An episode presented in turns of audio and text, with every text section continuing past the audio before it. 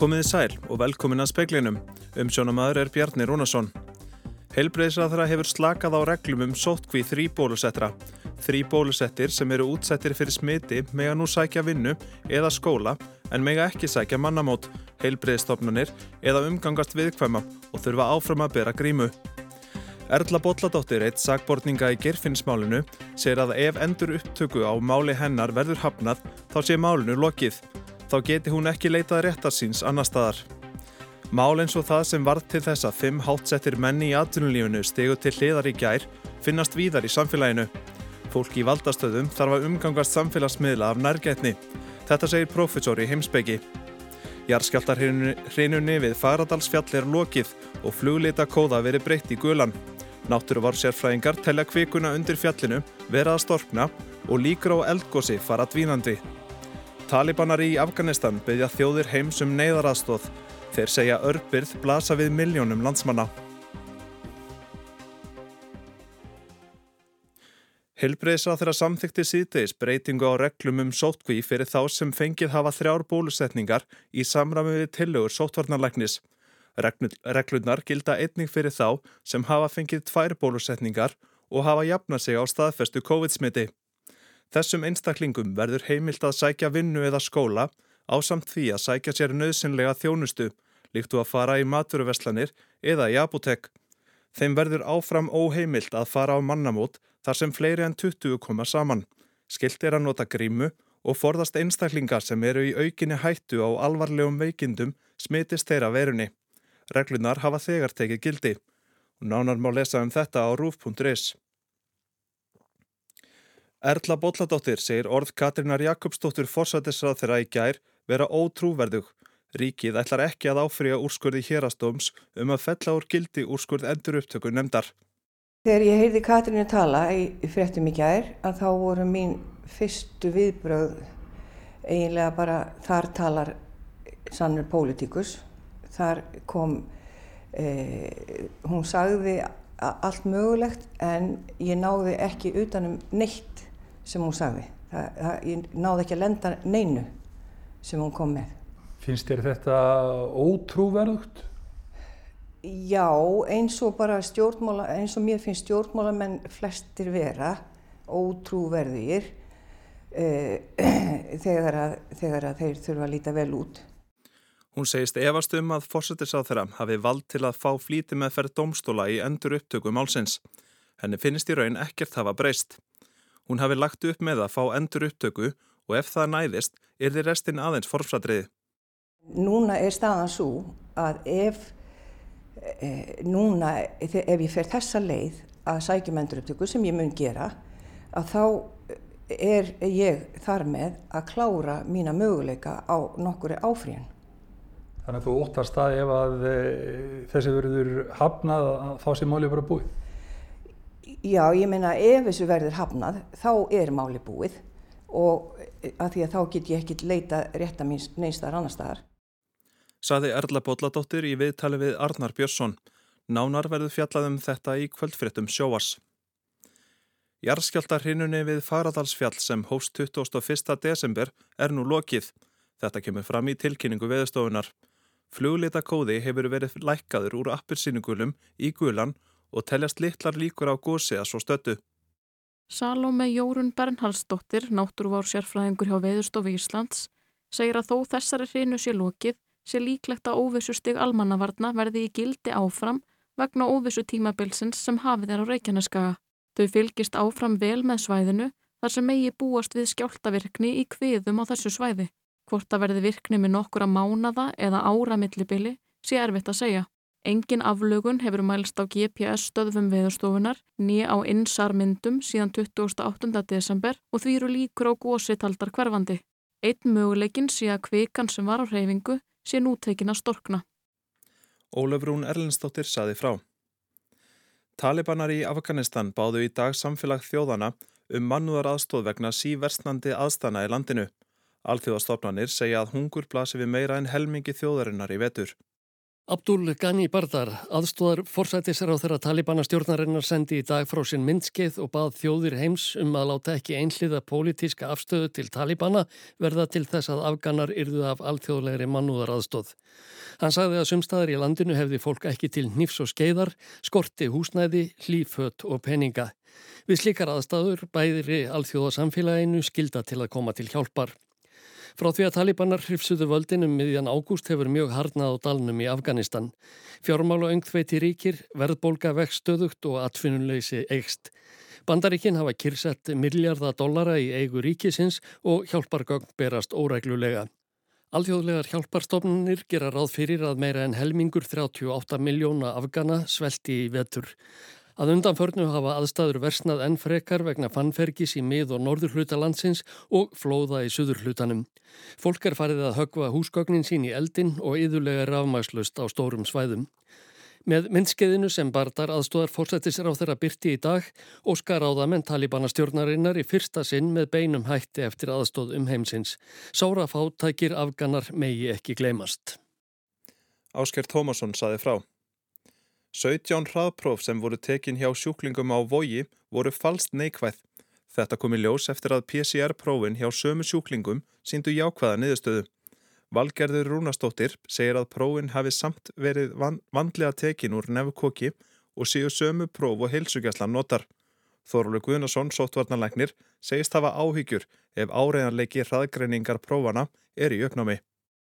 Það er efni og Við höfum bent á það að, að, að ræðgreiningaprófin er ekki eins áræðileg eins og PCR-prófin. Það kann að vera breytilegt eftir hvaða próf eru notað og svo framvins og, og breytilegt eftir hvernig prófin eru tekin og svo framvins. En auðvitað hef ég áhyggjur af því að, að ef áræðilegi ræðgreiningaprófana er, er, svona, er í uppnámi og, og við erum búin að tala um það áður að það eru tölvört margir sem hafa greinst í ákvæðir af hraðgreiningaprófum eins og neikvæðir á PCR og, en við höfum ekki nákvæm að skrá yfir þá sem eru neikvæðir á hraðgreiningaprófum en verða svo jákvæðir á PCR-prófi nema þarna og, og, og það er ákveð áhyggjafni að við förum að og þess vegna vil ég eindreið bara beina því til fólks að treyst ekki móf á þessi hraðgreiningapróf. Saði Þórólur Guðnason. 40-60 heilbreyðistarsmenn hefur vanta til starfa á degi hverjum á heilsugjastlu höfuborgarsvæðisins í þessari viku. Þetta segir framkvæmdastjóri lækninga en COVID-tengt verkefni hafa einnig aukið álag á heilsugjastluna og því getur verið byggð eftir tíma hjá heimilisleikni. Dæmi hafa verið um að fólk hafi þurft að býða í þrjár til fjórar vikur eftir tíma hjá sínum heimilisleikni, segriður Dóra Magnúsdóttir er framkvæmdastjóri lækninga hjá heilsugjastlu höfuborgarsvæðisins.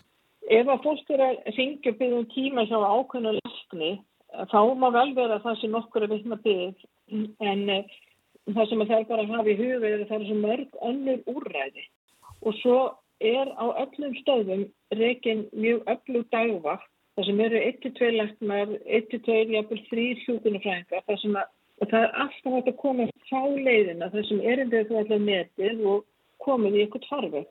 Sigriður Dóra segir umsvið hilsugjastlunar hafa aukist undan farin áru að lækna vanti á flestar ef ekki allar hilsugjastlu stöðvarnar 15. Að missa fólk í sótkví og einangrun að undanförnu hefur svo aukið álægið enn frekar.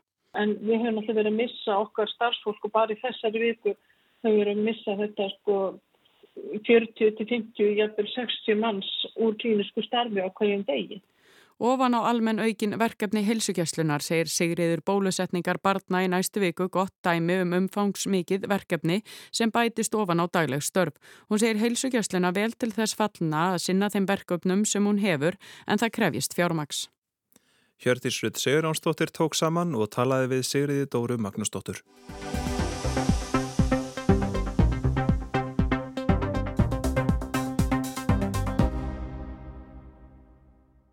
Fimm áberandi menn úr viðskiptarlífin á Íslandi stegu til hliðar í gær í kjölfar ásakana um kynferðisbrot. Málið hefur verið til umbræðu í fjölmjölum og samfélagsmiðlum eftir að Vitalia Lasereva greindi frá því hlaðvarpinu eigin konur hvernig mennirnir hefðu farið yfir mörkhennar í heitum potti í sumarbústaðaferð í desember 2020 og einnig í golfferð á síðasta ári. Mennirnir fimm voru stjórnarmenn í mörgum af stærstu fyrirtækjum landsins og ábyrjandi í viðskiptarlífinu og fjölmjölum. Orðrómur hafði verið á kreiki um brotinum nokkra hríð og stjórnir fyrirtækjana sem sumir mannana störfiðu hjá höfðu vittnesku um málið án þess að aðhafast fyrir en í gær. Ragnar Þór Ingólfsson, formaður Vaffer, saði á kjarnanum í gær að lífverðisjóðir virtust ekki hafa mikinn kvata til að leita réttar síns ef grönur leki á brotleri eða siðlausri háttsemi stjórnenda fyrirtækja sem þeir fjárfesta í, þrátt fyrir fagur gala um siðferðis viðmið og alþjóðleg samfélagsleg viðmið. Hann segir Íslands samfélag vera óþólandi meðvirt og að oft sé hort fram hjá alvarlegum málum ef þau komast ekki í almenna umræðu eða á forsýður fjölmela og vísar þar til KSI málsins sem náði hámali á seinasta ári. Eija Margrét Brynjastóttir, professor í heimsbyggi við Háskóla Íslands, segir að valda ójapvegi á milli Karla og Kvenna þrýfist víðar í samfélaginu en þessi mál sína. Ég held að það hljóti bara vera.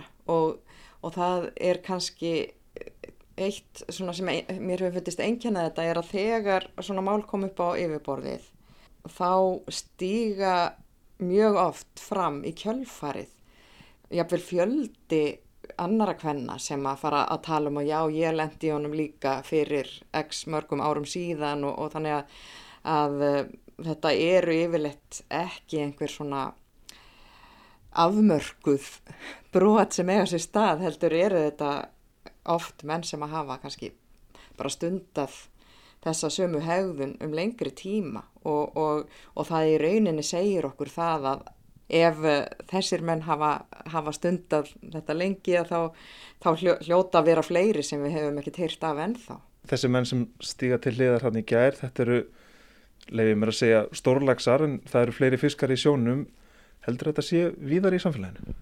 Já, ég held að þetta sé bara því miður. Uh, þá sé þetta náttúrulega alls ekkert einstæmi og, og og uh, ég veit ekki með nákvæmlega náttúrulega kannski þær lýsingar sem við hefum fengið á þessu hljómar svolítið svona eins og náttúrulega sem við hafa bent á þetta hljómar eins og eitthvað hjá þarna í exit þáttunum norsku eða e, e, e, eitthvað svona sem að eigi að vera eitthvað svona einkenni á hennu ljúfa lífi þeirra sem hafa fræð og fram eða pening og völdu eitthvað svo leiðis og, og, og, og verið einhvern veginn að, að meðhöndla konur þá eins og bara einhvern veginn þær eru settar við hliðin á, á, á fínu bílunum og, vindlunum og og, og hérna og þá þurfa að hafa líka flottar konur og þær eru einhvern veginn samskona neysluvara sko sem að það er væntanlega byrtist ekki nákvæmlega þeirri mynd kannski í svona öðrum stjættum og geirum samfélagsins en, en það er náttúrulega grassirandi því miður alls konar kynbundu ofbeldi og kynfyrirsofbeldi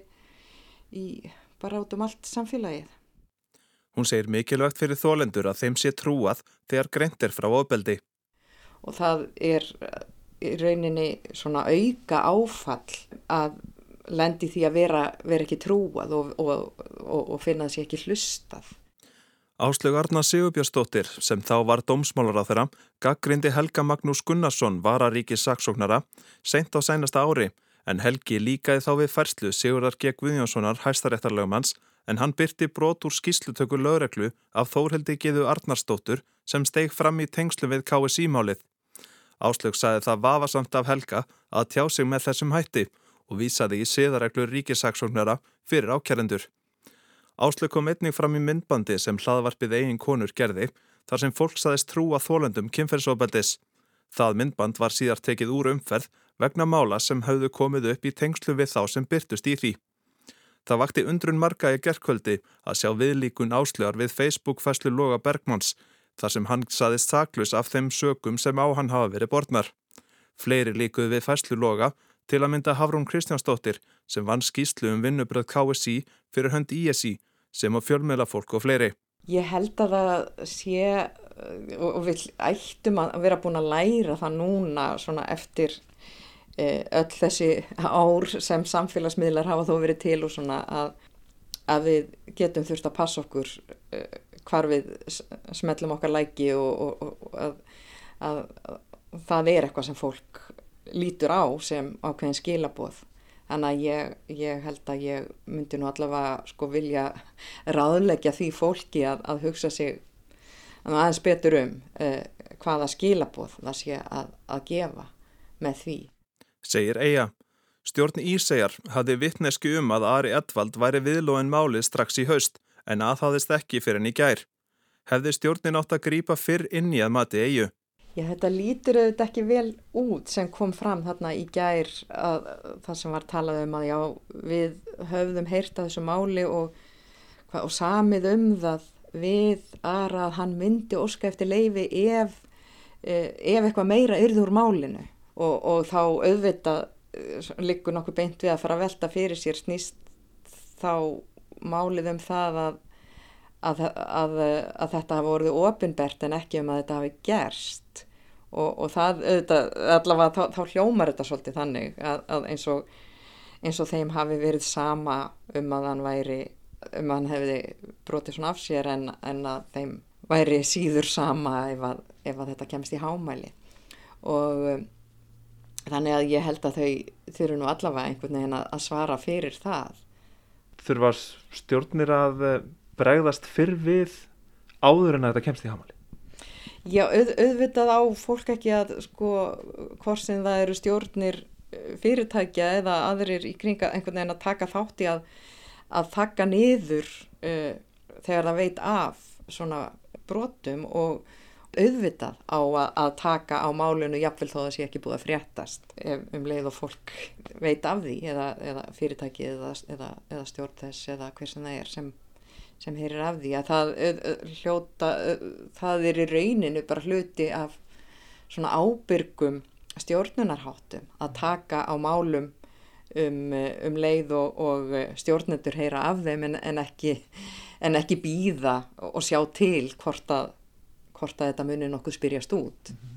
Það spyr maður sig flest, mörg stór fyrirtæki er með alls konar siðareglur og, og viðbrasáallanir og þar fram eftir göttunum fer ekki saman hljóða mynd að plaggið er til en það er ekki farið endal eftir Já, það hljóma nú svolítið þannig og, og ég myndi nú ætla að, að, svona síðareglur og, og verklagsreglur séu ætlaðar til þess að sko fólk far, fari að grýpa inn í sangkvæmt þeim um leið og málið kemur upp en, en að það sé ekki beðið með að fara eftir þeim þanga til að, að máli komist í fjölmiðla. En hvað heldur hún að gerist í framaldi af þessu máli og þeirri þróun sem hefur átt sér stað senustu misseri? Ég vona bara að þessi þróun, þessi jákvæða þróun haldi áfram. Og, og eins og, en, en það eru þetta þungur róður og, og, og eins og fleiri hafa bent á þá, þá kom alltaf bakslagsviðbröð við, við svona já, svona byltingarkendum uh, hlutum og, þannig að við, við getum alveg átt vona á því líka að það komi einhver bylgja allavega hjá svona einhverjum hluta samfélagsins þar sem að það sem kemur fram svona meiri gerendameðvirkni og, og einhverjir reyna að grafa undan uh, orðum þólenda og einhverjir fara að tala um að já, þetta sé nú farað að ganga allt of langt og það er náttúrulega svona þessi klassísku viðbröð sem við höfum heyrt já bæði náttúrulega bara í gegnum árin og áratugin að gagvart allri feministkri baróttu já þetta er nú farið að ganga allt og langt þetta er komið út í öfgar og þetta hefur komið náttúrulega líka eins og e, sem svar við me too að já þetta er farið að ganga allt og langt en, en, en, en svo kannski er ekkit endilega ljóst með hvaða hætti fólk tilur að þetta hafi gengið á langt eða það fylgir ekkit endilega en, en, en það eru svona bakslagsviðbröð sem, sem kom alltaf líka en, en ég, þannig að það við getum kannski sagt að það svona komið tvö skref áfram og eitt aftur og bak sko en vonandi bara heldur þetta áfram að, að þokast í, í rétta átt og, og, og ég vona að þessir atbyrðir séu einhver varða á þeim vegi. Raforkuverð er nú í hæstu hæðum í Svíþjóð og hefur aldrei verið jafn hátt. Nýr yðnaður, orkuskipti og ytrið aðstæður leiðað óbreyttu til ennhæra raforkuverðs á næstu árum og því er vaksandi þristingur á að ný kjarnorkuverð verði byggð í landinu. Hér er það mörgt, já. Man hættir að hafa lampuna på. Hér er dimt, já, segir Marcia Pettersson sem býr í leigu íbúði í Keflinga í söður Svíþjóð við fréttamann sænska ríkisumorfsins. Pettersson segist ekki hafa efni á að bröðla með ramagnið, sérstaklega þó þegar kemur að heitu vatni og kyndingu. Íbúð hennar er kynnt með ramagni og það er orðið harla dýrt. Þótt Pettersson hafi dreyið niður í opnunum og fari bara sjaldan og stutt í sturtu, verður næsti ramagsreikningur líklega upp á jafnverði um 50.000 íslenskra króna.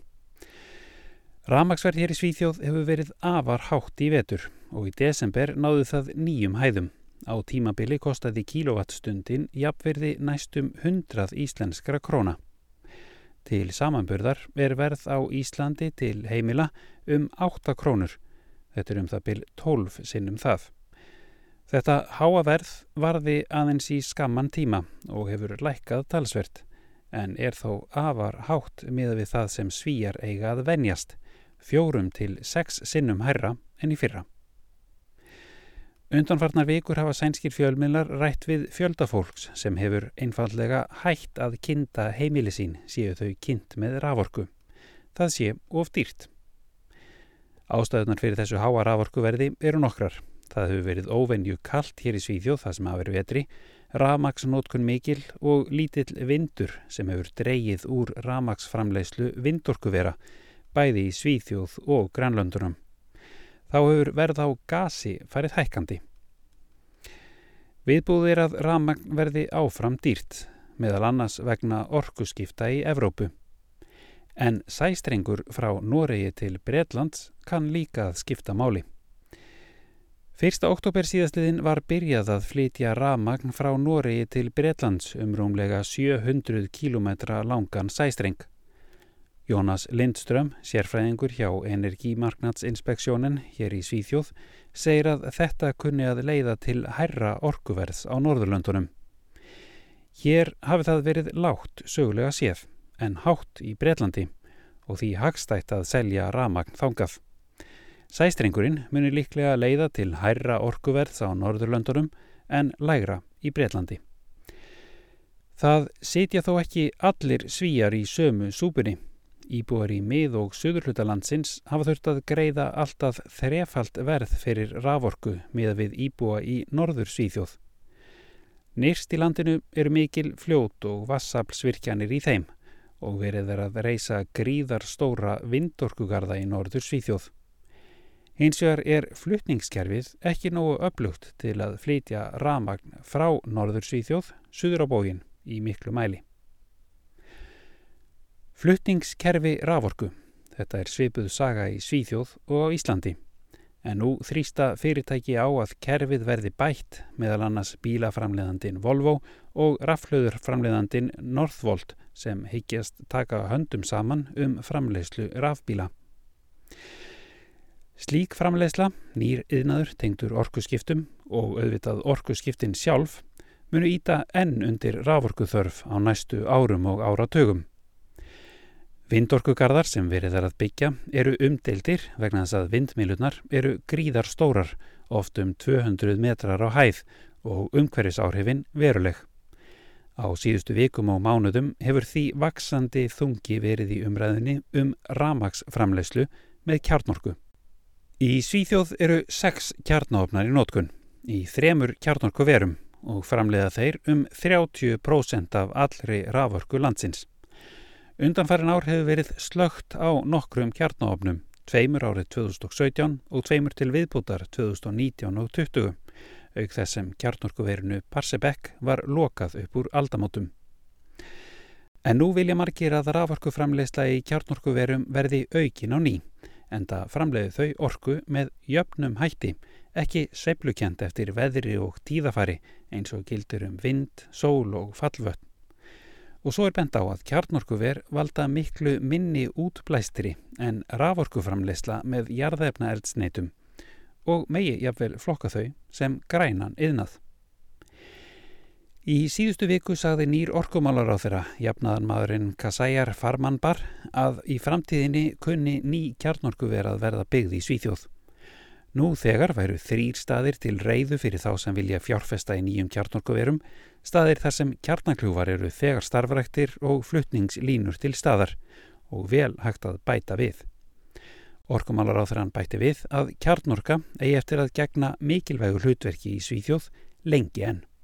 Þetta er Kári Kílvason sem talar frá Gautaborg. Almenn þáttaka í bólusetningum hefur verið mjög góð á Íslandi. Stór hluti af ungbarnavend hér með fram mælingum og þroskamatti er að láta bólusetja börn. Við þryggjamánuð aldur eru þau bólusettu í kíghósta, barnaveiki, stífkrampa, hemofílus influensu B, mænusótt og pneumokokkum og fyrst á halva árið fylgja sex spröytur til viðbótar. Þessum við bætist bólusetning við mislingum, hettusótt, rauðum höndum og hlaupabólu. Við fjögraraldurinn er svo endurbólusett við kíhosta, barnaveiki og stífkrampa. Í uppgjöri landlæknis á bólusetningum fyrir árið 2020 var þáttaka í almennum bólusetningum sögð ástættanleg nema að aðtikli vakti að hlutfall þeirra sem komið var með í fjögur ára sprautuna fór undir 90% og ekki sagt fulljóst af hverju þetta var. Annars er bólusetningar hlutfall hér yfir 90%. Kórónveru faraldurinn hefur ekki verið talin að hafa haft merkjanleg neikvæð áhrif á barnabólusetningar en þó talið hugsanlegt að vinnu álag vegna hans hafi komið vekk fyrir betri þáttöku við fjöguráraldurinn. Meðal annars til þess tekið að takmarkanir vegna kórónveru faraldursins hafi trublað fjöguráraskoðanir. Það eru tímafrekkar og krefjast nándar við bæði barn og forræðismenn. Lögð á það áhersla að mikilvægt sé að viðhalda góður í þáttöku í almennum bólusetningum hérlandi og bætana í fjögur ára bólusetningunni. Sjaldan hefur rætt meira um bólusetninga barna en síðustu vikur. Í aðdananda þess að nú er að hefjast átak í bólusetningum grunnskóla barna á aldarinn 5-11 ára við COVID. Meira borið á vangaveltum um ávinning og áhætti af þeim en almennt hefur verið. Valtýr Stefánsson Tórs Badnasmitt sjúkdómalæknir sem rætt var við í speiklinum nýlega hvetur til bólusetningar badna við COVID og segir ekki rétt sem flóið hafi fyrir að þær séu einhvers konar tilraunastarfsemi.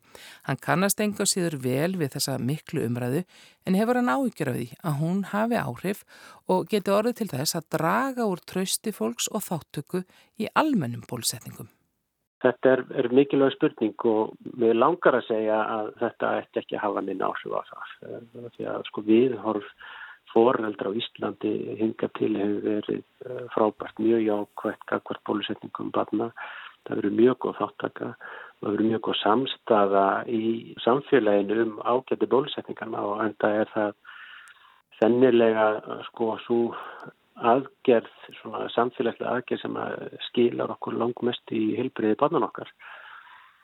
En hefur þetta mögulega skapað einhverja óreiði í því jafnvægi, það, það verður bara komið ljós, en, en ég vona einnilega að svo verður ekki. Er möguleg eitthvað jákvægt við þessa umræðu? Veldir fólk kannski fyrir sér því hvað fælst í bólusetningum? Hinga til hafi og flestir bara farið með börnun í bólusetningu án þess að staldra nokkuð við. Og það er, held ég, sko, svolítið mannlegt eðli. Minna, við erum hjartís og flestir bara fylgja sko, hópnum að ef allir fara í bólusetningu og þá fara allir í bólusetningu með börnin sín og, og með sér sjálfa. Og... Þannig að það getur vel verið að þetta sko, einmitt veki sem fólk til umhugsunar. Það sem er kannski svona vest í þessu er að það er mjög mikið af vafasumum upplýsingum og vafasumum fullirringum sem að sko, fólk svona það lendir á sjónhimminni þeirra þegar þeirra skróli gegnum samfélagsmiðlana og, og það eitt og sér einmitt getur einmitt sáð einhverjum svona, svona evastendar fræjum sem að síðan er ekki nástaða til að, að láta vaksa og það er bara hlutverk sottvarnar yfirvalda og heilbriðsi yfirvalda er að, að sína það að þetta tröst sem hefur verið til þessara svona sottvarnar aðgerða fyrir börnun okkar að þau eru, eru trössins verði. Saði Valtýr Stefánsson Tórs Barnarsmið sjúkdómanlæknir, Anna Kristín Jónsdóttir talaði við hann. Það var helst í speiklunum í kvöld að heilbreyðsáþara hefur slakað á reglum um sótkví þrýbóru setra. Erla Bolladóttir, eitt sagbórninga í gerfinnsmálunu, segir að ef endur upptöku að máli hennar verði hafnað þá sé málunu lokið. Þá geti hún ekki leitað rétta síns annar staðar. Jarskjáltarheinuninni við Faradalsfjall er lokið og flugleita kóða hefur verið breytt í gulan. Talibanar í Afganistan byggja þjóðir heims um neyðarastóð. Þeir segja örpið blasa við miljónum landsmanna. Fleira er ekki í speiklinum í kvöld. Tæknimaður var Þorbjörn Gísla Kolbrunarsson. Eða góða helgi, verið sæl.